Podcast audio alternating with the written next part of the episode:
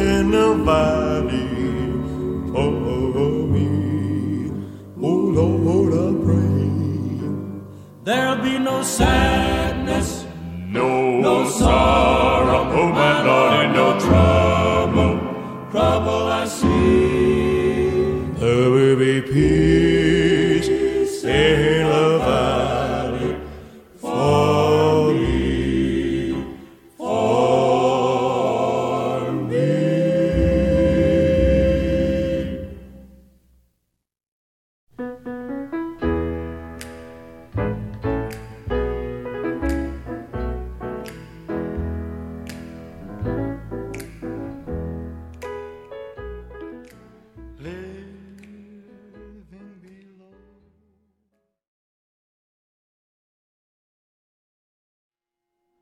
Vi senda nu godstanastu ur Havnar kyrkjå. Henda godstannastan verur eisne sendt beinleis ui sjånarpenon.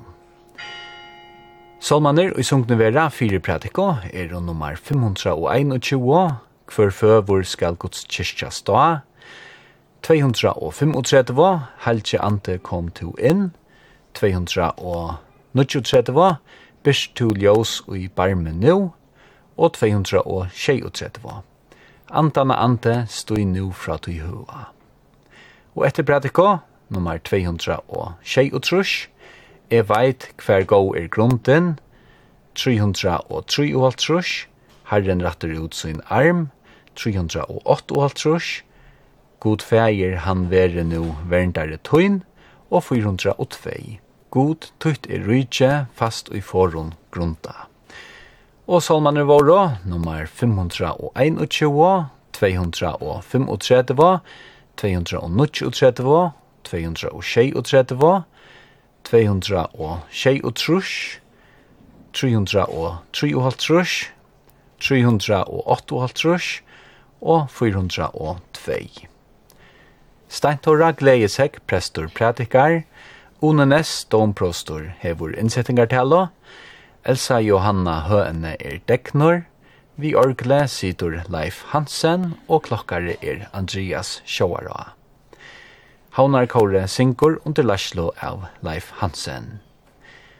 Ljøtekniker i morgon er Høgne Reinerst Hansen.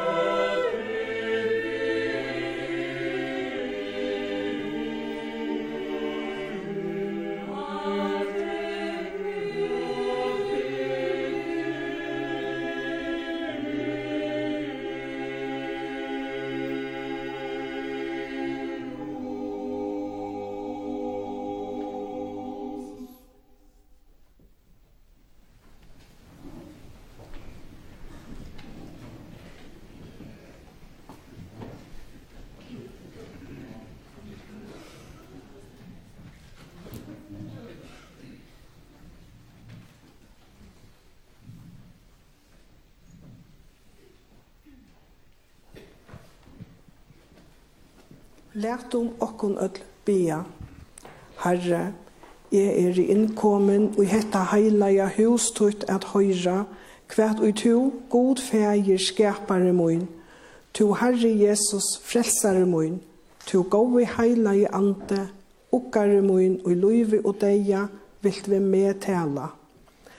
Herre, åpna tu nu såleis vi tøynun heilaja anta fyrir Jesu Krist skuld hjärsta mot, at jeg av året tøynum kan læra at bæra enkor om senter. Og i løyve og deia at trykva av Jesus, og kvenn det og i heila von løyve og leivneie at batneie, til høyre og bøn høyre god for Jesu Krist. Amen.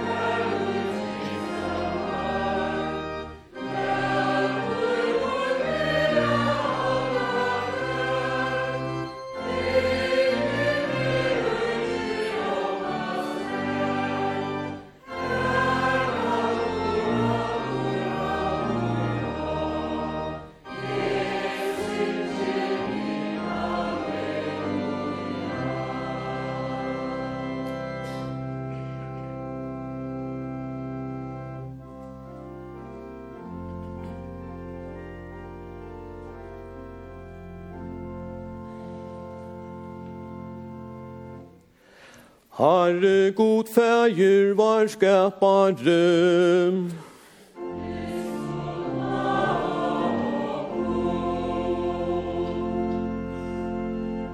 Herre Jesus var frälsare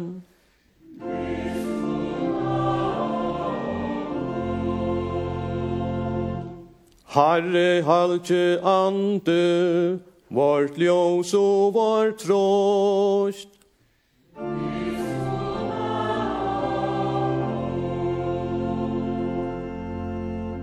Heier veri gode i hakstun, og frier av gjør, og i menneskjon gavur tatsje.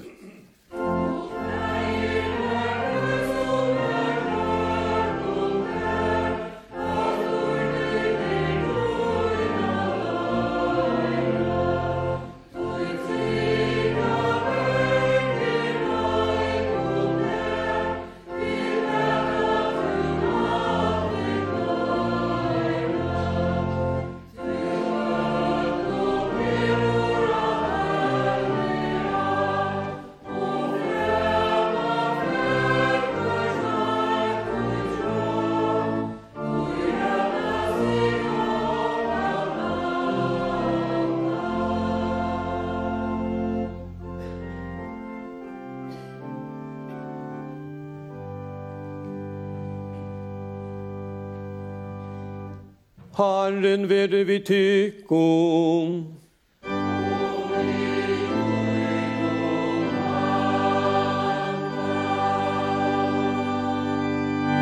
Lært om okkom at bya.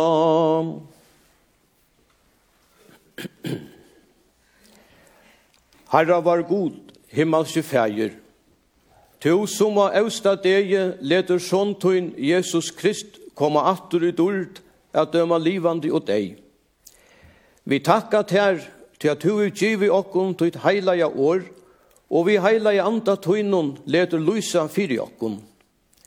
Vi bia til, Tjev okkum nøye til a genga ui hesen årsins ljøse tøynun, så at vi med vera være varvart fra allar vittlo og følskon lærdomme, seta alla vogn okkara og alit og nøye tøyna, og vanta kom og sonartuns vi glede.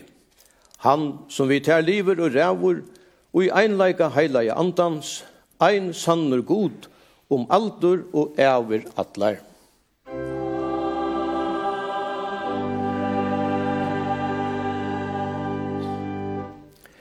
Henda heilaja lesteren skrivar Jesaja profetur. Så sier Herren, Jeg er i okkare tøyn, kvui øttast ta fire manne som eier at dodja, fire mannsbatne og i følnar som græse at du gløymer herran, skapar at tøyn, som tante ut himen og leie gjerren av grunnvall, at to tan loje lenga der støvet åttas vreio kuarans. Så kjøtt som han boer seg til at øya, hvert vær ta av rei hans, Kjøtt sleppa hinur bundnu ur fjøtrun. Tar skulle ikkje dodja og færa nyr i grøv. Og breie skal ta ungen skorster vera. Og jeg er i Herren godtun som øs i heve, så at bildjur tess imja. Herre, herreliana, er navn tuit. År møyne hev i lagt ut hun munn, og luft tær vi skukka handar munar, til tess at tenja ut himenen, og grundvalla gjørena og sia vi sion, tu erst folk mot. Amen.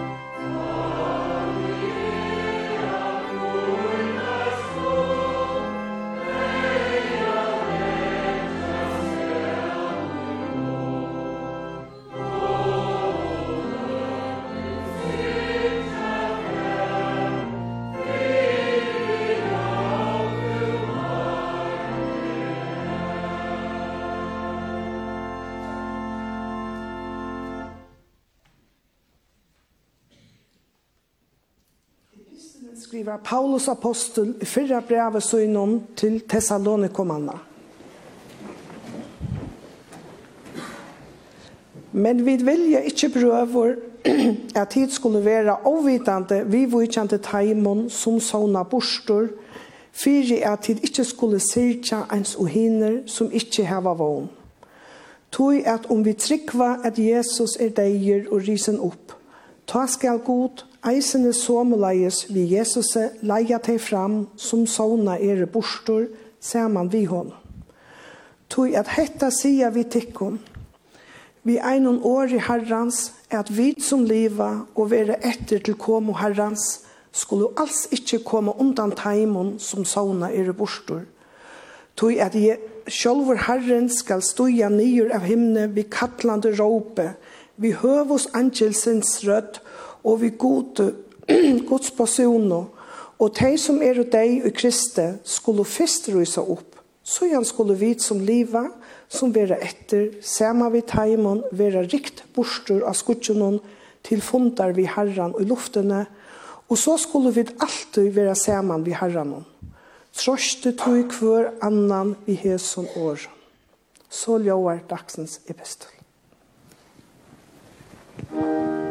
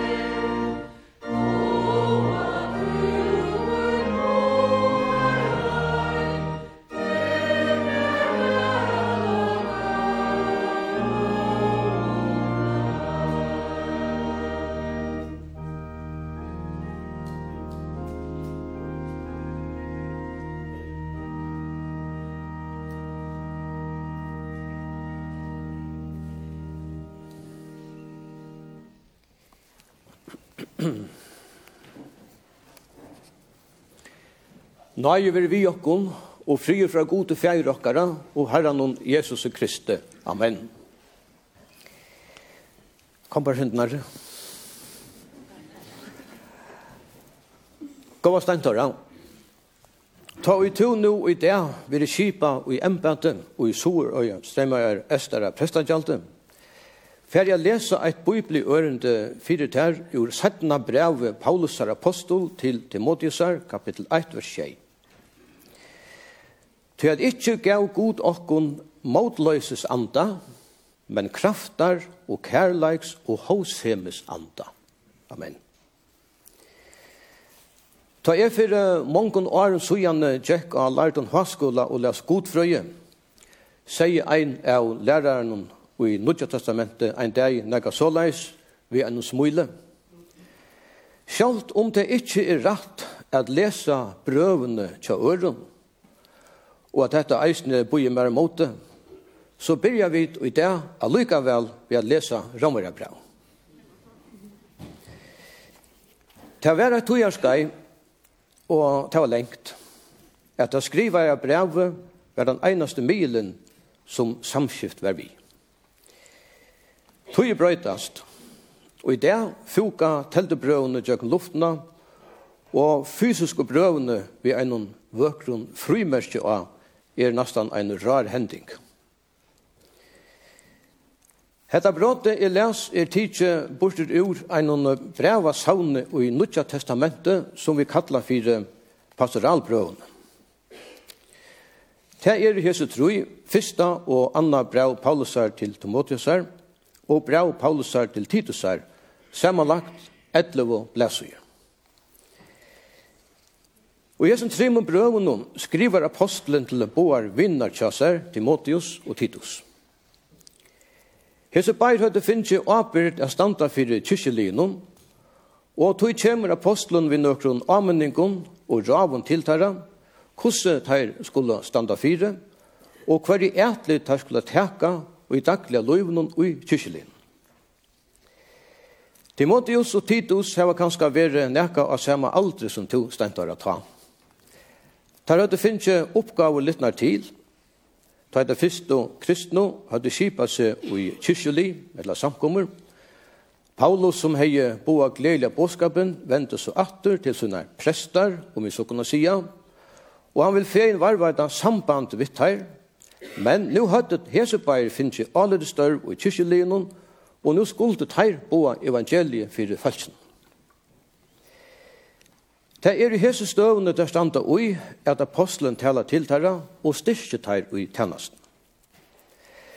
Toi legger han taimon eina vi kvørkje at skammast vi gleibåskapen, etla at skammast vi a boa gleibåskapen ui tøyne tær liv ui.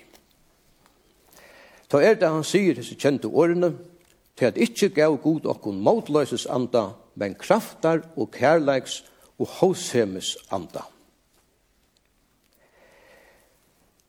at boa evangeliet ta, en som nu, kan teka måte fra einon, tog det er så nekv i åregvar, og det kan eisen teka gledina fra tennast.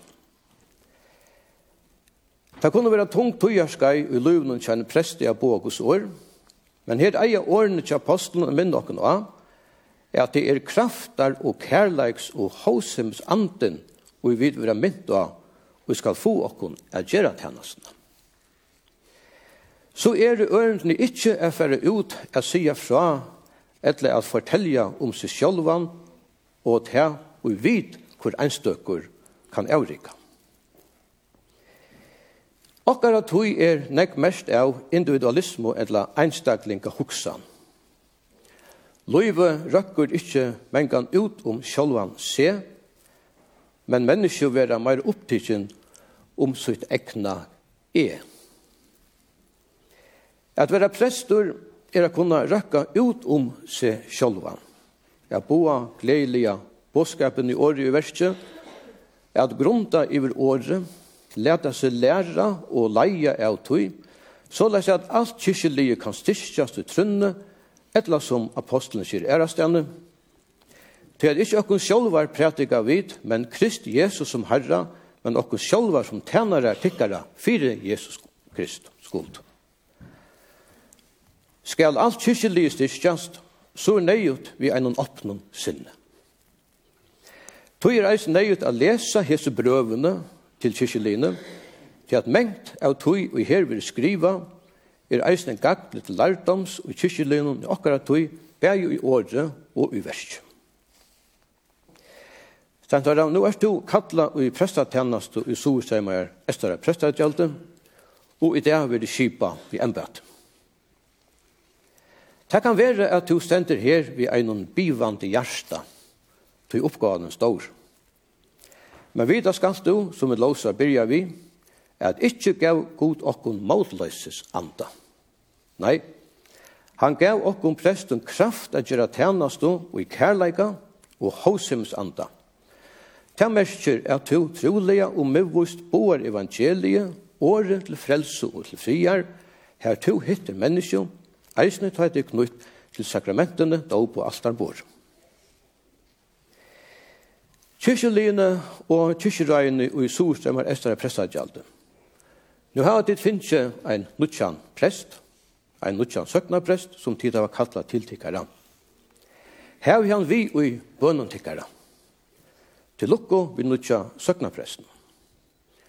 Læt henne vita at tid heva henne og hennara kæro, gauva, tykkara mittlun, og i kærleika og i omsorgan. Okkara bøn er at kyrkjeliene, kyrkjerajene, kyrkjetenarar, og hinne og prestagjaltene, kolleganer, og granna prestaner, og alle starsfelavar tøyner og i kyrkjen i fyrjun, genga fram og i trygg, vogn og kærleika, og i kyrkjene, og kyrkjeliene, til sykningar og god i og sonen til æron. Amen. Så jeg skal lese settene skrive fra landstørskvinne og kalsbrev fra biskopet.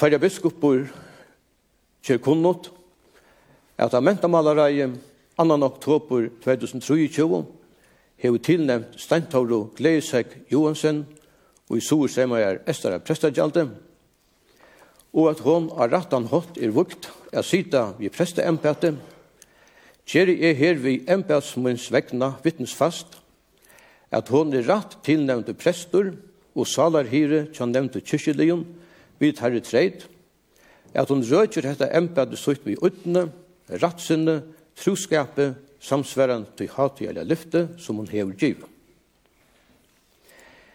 Hun skal ta boa Guds rujkis evangelium om nøyina og Kristi til frelso, fyrir syndarar, rent og ratt, færa om de heila og sakramentene etter Jesu Krist innsetting, og her vi vetja og stimbra kristna trygg og vogn, veita einon og kvarjun og kyrkjelinun som stater er i andalegare eller tøymelegare nei, atla ta hjelp og hon førfyre, suttja til at manna kærleitje og lovlutne njóta frema, og at ungdomen veri givin kristen opplysing og velæging, og såla så ein og kvann hatt liva kristelega, som det sømer ein preste. Her vi innskje i henne og kyrkjelinun vi sovestremmer Estara prestandjalte, vars herra Jesu Krist nøye, Guds kærleika og samfella heila i andans. Biskopsdømme Færja, 16. november 2023, Jakob Fruersson, biskopur. Ja. Så er det setan har skrive fra Nansers kvinne.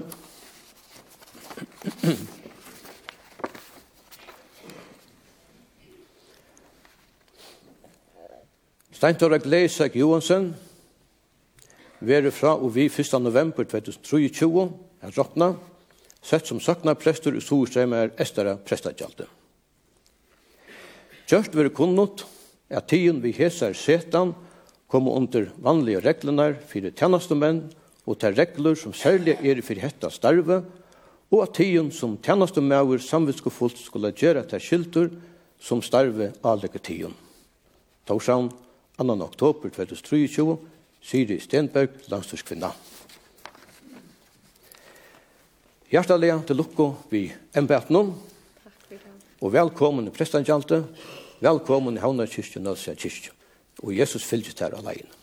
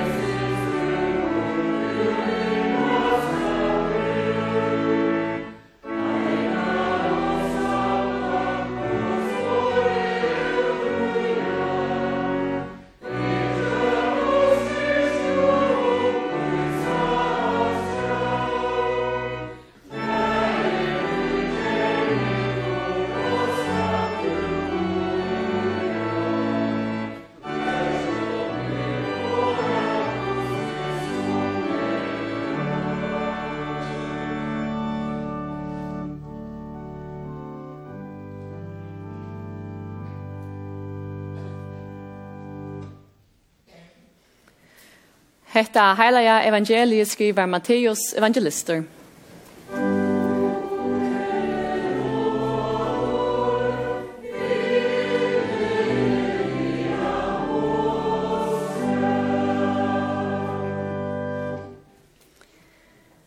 Jesus sier, Ta et ikke suttja anstikt øyengarinnar, som taler om av Daniel profete, standa og heilavun stegje, Tannu i hetta leser djeve til gater, ta røyme teg som er i Judeo til fjells. Tannu i stater oppi av tekjene, han fer ikkje nyr etter tog, og er inne og i hus i hans herra, og tann og gestatter uti av marskjene, han vendi ikkje heim atter etter klævon synon. Men ter neier koner som er i utheimen døvon, at hava badn under belte og av brostet men be om at flutjan tykra ikkje skal vera om vetrartøy, og heldur ikkje om ein kvøyledag. Tui at ta skal vera mykjul trångt, slug som hon ikkje vil vere fra opphavet heimsins og til henda det, og som hon onga tui skal vera. Og om hese dier ikkje våre stytter, ta var mevor ikkje frelster, men vegna tara utvalgte skulle hese dier vera stytter. Og monkur ta sige vitikon. Sui, her er Kristus, etla, her er han, ta skuldigur ikkje tryggvatoi. Tui at svika Kristusar og svika profetar skulle komme opp, og tar skulle gjøre stortetjon og underversk, for i eisne at de utvalgte skulle være vittleit om det var gjørlott. Så jeg har sagt til hun til framan undan, om det tog sida vitikon, og Så han er i øyemørkene, ta færre ikkje ut hier. så han er i kømren ta trygg ved du ikkje. Tui at ein så snærljås i skytter i estre og lyser i vestre, så leies skal koma menneskersånarens vera. Her som reie er, her må ørnenar flytjast.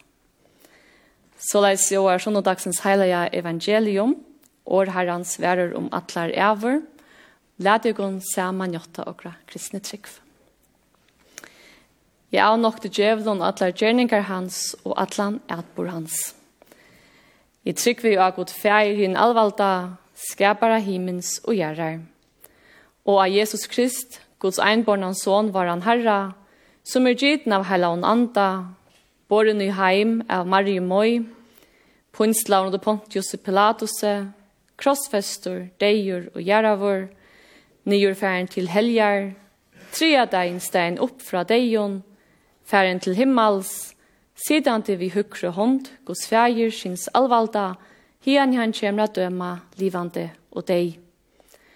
Og å heilean anda, eina heilaja allheims kyrkje, samfella tara heilave, fyrirgjøving sindana, oppreisen likamsins og loiv om aldur og æver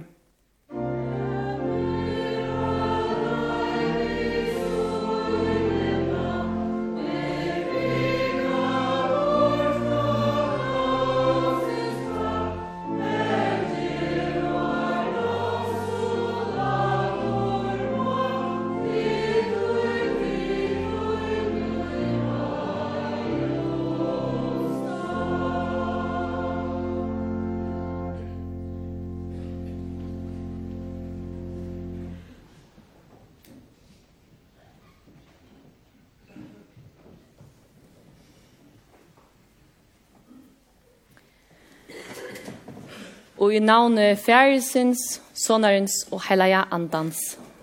Amen.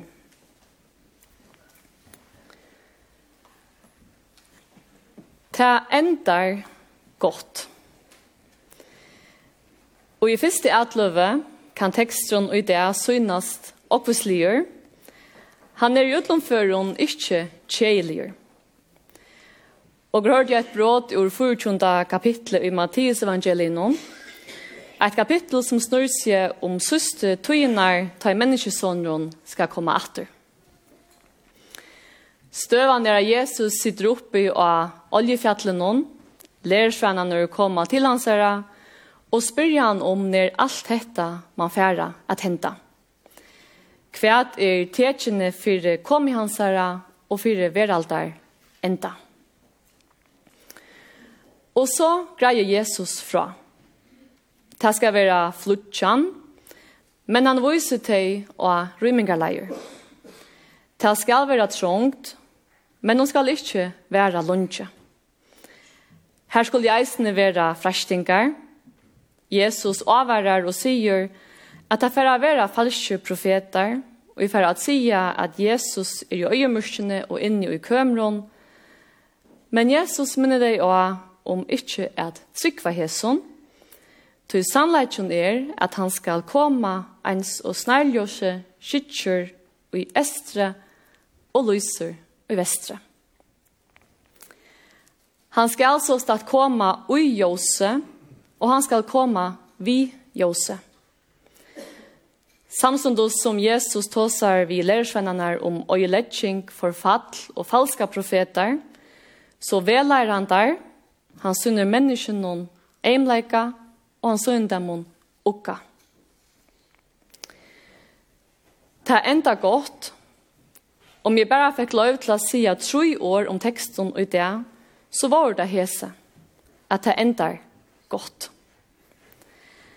Hette er en av tjattnene og evangeliene, og ta Jesus kommer atter via noen brætje, er ikke livet.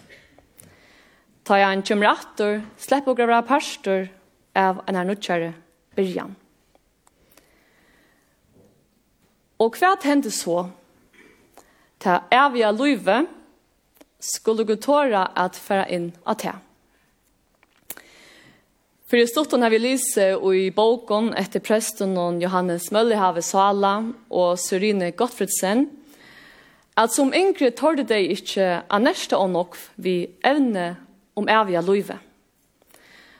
Mølle har vi sier at det var et tabu for seg nok for det første årene av hans prestaløyve, og han var annars en rymlig åpen personer. Og i London og rundt om noen har man vernast at vaksande parser av folkene sier seg trykva av reinkarnasjonene. Og så er spørningen om til tog at hon er mer kynsom at trykva av en oppreisten likamsins og evige løyve, Et om trobladjon og i Norrlandon er, at du ikke hava et nå godt målfyre til evige løyve. Jeg les tjei år i Kjeppmannhavn og et halvt år ivre i USA.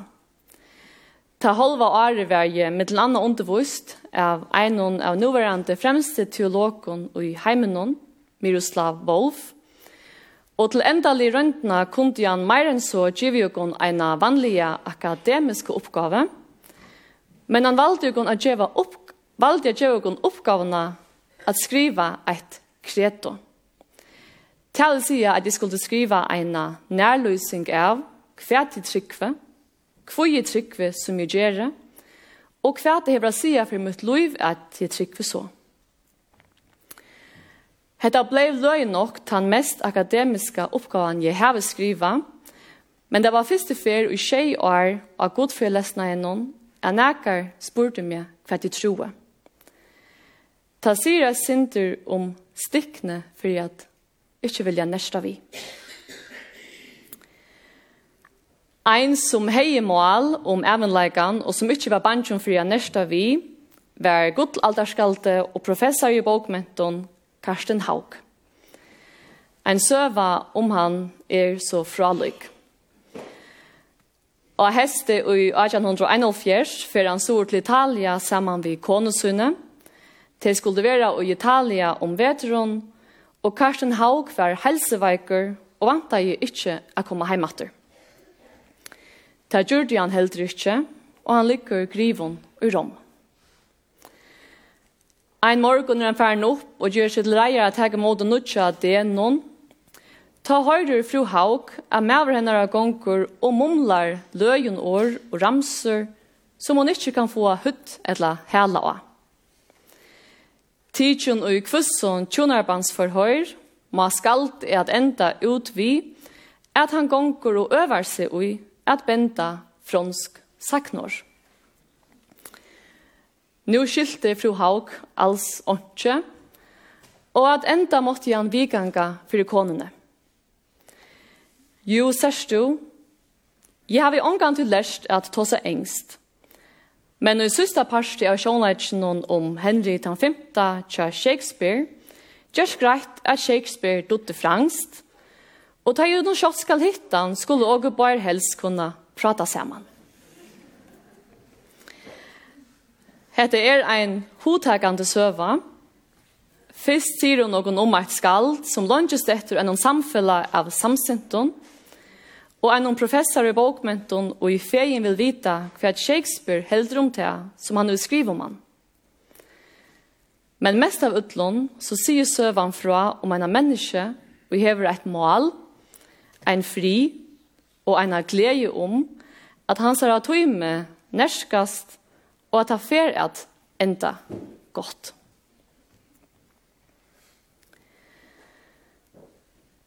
Ta fer at koma ein domur. Domurun ver omtalavur ui truar jottanene, men da stendur ongastane gosse og vera via i domenon. Tryggfinn er ikkje ein goer gjerningur, og man kan omgang du mata om tryggfinn er no stor til frelse skal hon være 2 cm høy, etla 2 cm. Ongen av hon vil leva eit rent og lydalest liv, og grava ull skia, og grava ull sarst og svitje. Men god vil sendt sin son fyrir at bøta fyrir sindrokra. Soner hon som kommer atur ui jose og vi jose. Og kanska snur domron seg ta om at dere etter deian vera opplyst av gode om alt det som dere ikke skilte. Evangeliet lukkar ned at dere får meira enn dere var oppebåret. Og i Paulus har brevet til Korintarna stendur at god til seinast skal være alt og i utlån. Han vil ikke være alt i nørgrunn favon utvalgton, og som mølle har vi ena for seg, om jeg iveis til frelsene tja ein og til eneste menneske, er det mine egne jeg vil til være uskymlaver om fyrst. Etter at apartheidstyret fall i Sur-Afrika, sette Sur-Afrikanska parlamentet en av nevnt sammen 1955. Hetta var ein sottarnevnd, etla ein forsoningskommission, som skulle korsletja brotene av mannarettindene i våre framt under apartheidstyrnån 1800 og truss. Taverande surafrikanske erkebiskoperen Desmond Tutu stod åtta for nevntene, og enda mal å være å finne ein hatt av få forsoning i midtlån folkabolkanar. Hetta er nega av tog mest lovgande som er hent senaste nokve årene. Tog ta og skulle fara fram vær ein nøying. Man avgjørte at man ville ikke hava en rettar oppgjør hver til seke våre dumt, men hinveien at utl og gjort av sina skuld våre noa og finke amnesti. Og tar man bare ett sted her av hjørne kan lade være vi at hevna, er det torsførst at umynda seg at ikke eisne god kan lata vera vi at krevja hevnt. Og i tror at han har gjort dere trunna av at etter Jesu deia krossen hon fer han nyer til helger, men han ryser opp tria deion. Han hever verger, men han er rysen opp, og tog enda ta godt. Lov og tukk og atler heier veri til, gode varon, feir, sine og helavn anda, som alltid hever vere, er, og alltid verer ein sannur, tru einur god, ha lovar fra fyrsta opphave, nu om atler ævur. Amen. Lat jo bia.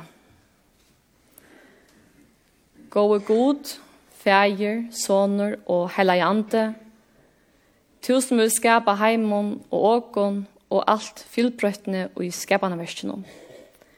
Til takk og fyrir tøyt handaversk, fyrir vegurleikan og fyrir alt til undernærverda. Fyrir goske og gavamildne tøyt, og gu be at jeg fyrirgjeva alt til ugerukka og stutt vi. Og gu takka deg fyrir at du gav okon mennesker vi forvittne og evne og hengne til å grunda iver og granska tilverna og skapana verskje. Takk for det gaver, hekne og vilja til å grua og linna sjukur. Takk for atlar tar beatar og grur for for å hjelpa ytla studdon vi. Og takk for atlar framgångt og vitske og hjelp okon at hon eisen verur til framgångt og i vissdomme. Takk for atlar til eldsaler som ikkje spæra seg sjolvar, men som ganga tunn i ørende, samanhalden og fylldene til gangs. Hjelp og å søtja til ganglia, og gjør hon fire lid, så dukker eisene, varnast og gramørsk.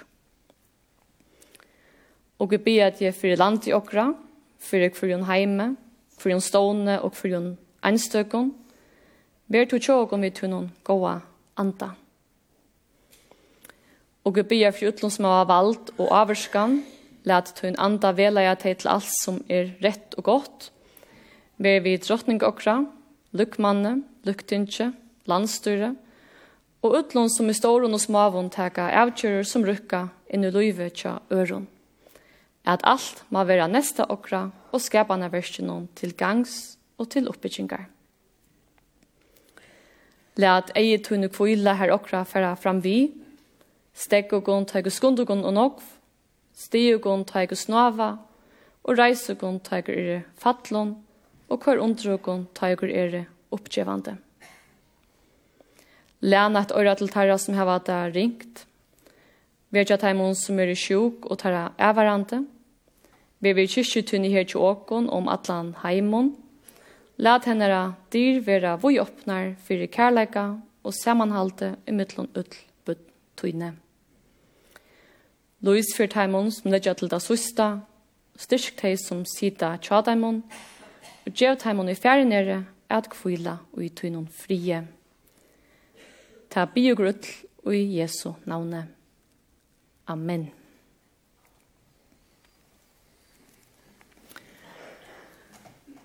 Jeg vil nøyda høve at takka kyrkjeranon og i Havnar kyrkje og kyrkjeranon og i Nelsier kyrkje för att välja mig som tycker präst.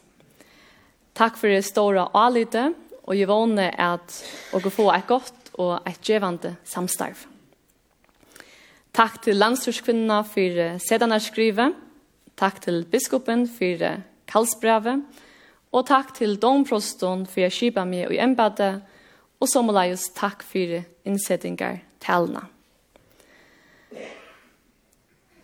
Til sena skal jeg ha en tukk til mine kollegaer, til som ikke kunne være vi, som jeg var tænast til å rød i det, takk jeg for helsaner og bøner, og til som er gjer takk jeg for nærværende. Jeg er bare rørt og eimjok om å sleppa deila henda dagen som han vi tigur. Lædjegon vi apostlen og innsjøk for øron. Herrens Jesu Krist nøye og til Guds, samfella hele i antans, vere vi og kun utlån.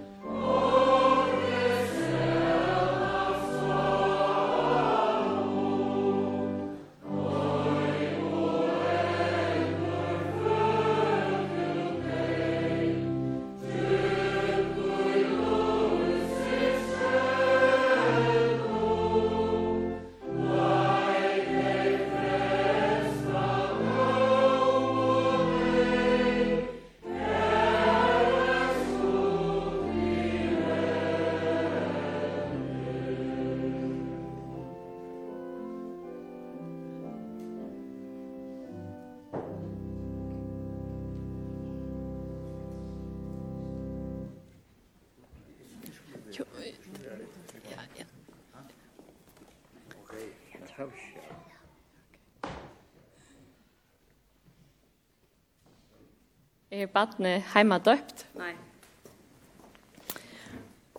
Lova vår vare god og fægir, var kjæra Jesu Krist, som etter mikl og miskunn søgne, hever endefødt åkon til livande vånar fyrir oppreisen Jesu Krist fra deion.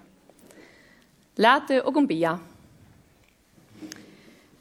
Himmelske fægir, og takka til, til at vi einbarnan sinne utunnen Jesus i Kriste, hever givet åkon hin heilaja dåp, her du gjer og til budtøyne, veit hin en heilige anda, vi fyrirgjøving sintana og hinnon evige luive. Og vi ber til, takk en nøye i motorhet som battene, som også bør framføre årsjontøyene, og gjør det felaja i hinnom tryggvande kyrkjelige tøynen, og varvei til i samfunnet tøynen, beie her av folk og i himne. Amen. Såleis talar var Herre Jesus Kristus. Mer finn ikke alt valde og i himle og ajur. Færre tui og gjeri ull folkasløyene til lærersveinar moinar, vi tar deg døypa deg til navns fjæresins og sonarins og heilaja andans. Og vi tar at deg lærer deg at halda alt tæt og jeg heve bøytikon. Og så gir vi tikon atlar dier, alt til veraldar, enda. Og de bor småbud til Jesus for at han skulle nema vidt deg, men lærersvennene er hudde av dem som bor deg. Ta Jesus sa hetta, var han reier og sier vidt der. Læte småbudnene komme til moin, for at dem ta ikke tog at Guds rydde hører slukon til. Sannelig sier det gong, han som ikke teker vi Guds rydde ens og lytte baden, Han skal alls ikkje koma en uta. Og han tok deg i faun og leie hendene av deg og valsigna i deg. Så vil du kunne hjelpe her som baden i at sikning kan sere, ved at døypa deg i navnet fjæresins og sånnerens og hellige andans.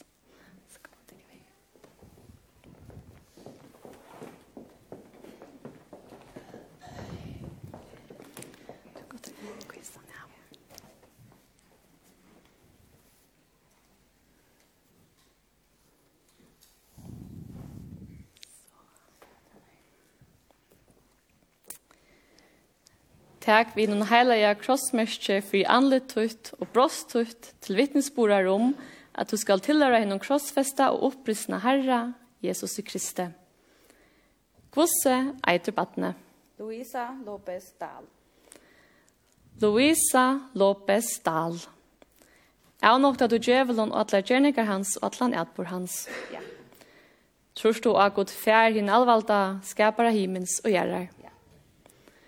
Og av Jesus Krist, Guds einbarna son, var han herra, som er gyden av Hellan anta, båren i heim av Marie Moi, punslar under Pontius i Pilatus, krossfester, deir og gjerravor, nyer færen til helgar, tria deinstein opp fra deion, færen til himmels, sidan det vi hukre hånd, Guds fægir, sinns alvalda, hien jan kjemra døma, livande og dei og av heilige Anda, en av heilige Allheims kyrkje, samfunnet av Heilave, fyrirgjøving syndana, oppreisen likamsins og lov om alder og æver. Ja. Og vil du være døpt etter hese trygg? Ja.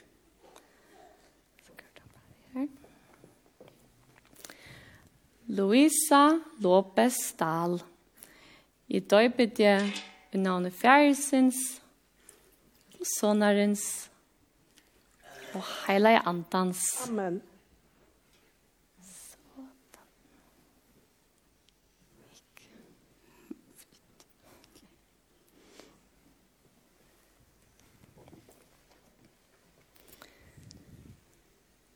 Hinn alvalde god, fægir, var kjæra Jesu Krist, som nu er rendefyttig ved vattnet og hella hon anda, og er vært i fyrirgjøvingssindana. Han styrkje til vi nøyesunnet litt av via luive, Han varvaði i ugangtøyen og inngangtøyen hjerni fra om atlar ævor. Amen. Lad gå saman bia feivar for Luisa.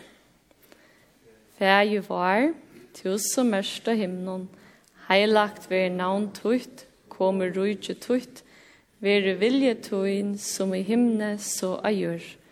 Gjev og gunne dea okra dagliga brei, og fyr djev og gunn sinter okra, så som vid eisne fyrtjøva taimon imoti okon sinta, og lei okon ikkje frestingar, men frels okon fra du ytla, til at tutti rujtje, valdi og heiron, om atlar evor. Amen.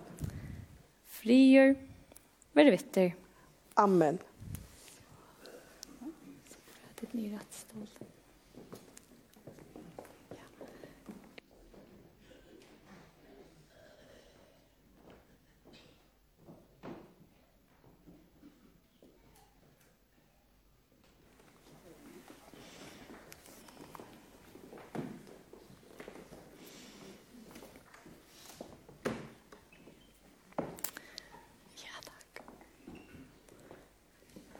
gode Mercedes og Jan Paule og gode Fatrar.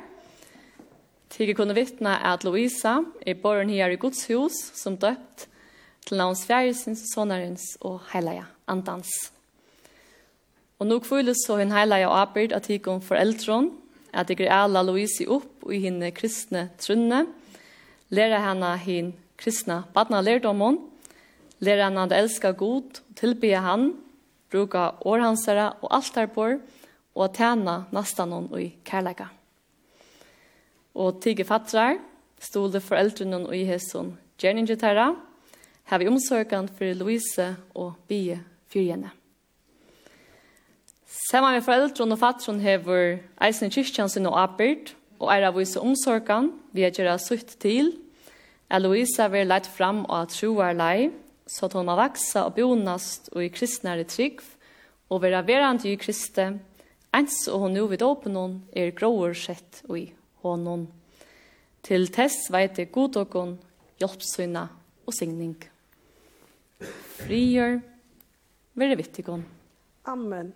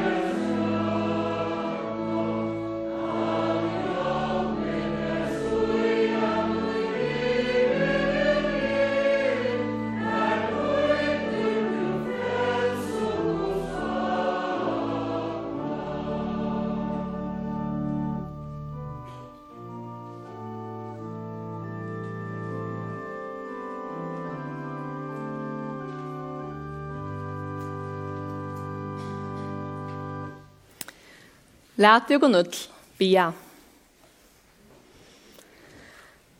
Herra var god himmel 24, og jeg takker til til at du lærte gå komme til hin nøye fotla dåp, her du vet deg gå fyrtjøvingssintene, hele andan og et evige løyve, for sånn er tunns Jesu Krist skuld.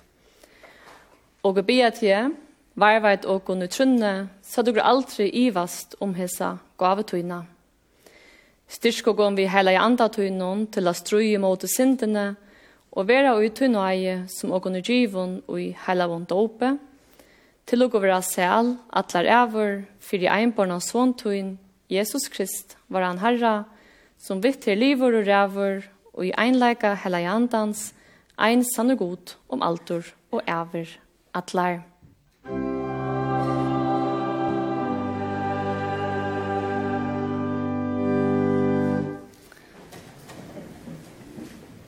Herren velsigne til og varveide til. Herren la de annerledes at lyse iver til og være til nøyvor. Herren lytte opp asjonssyna iver til og tjeve deg fri.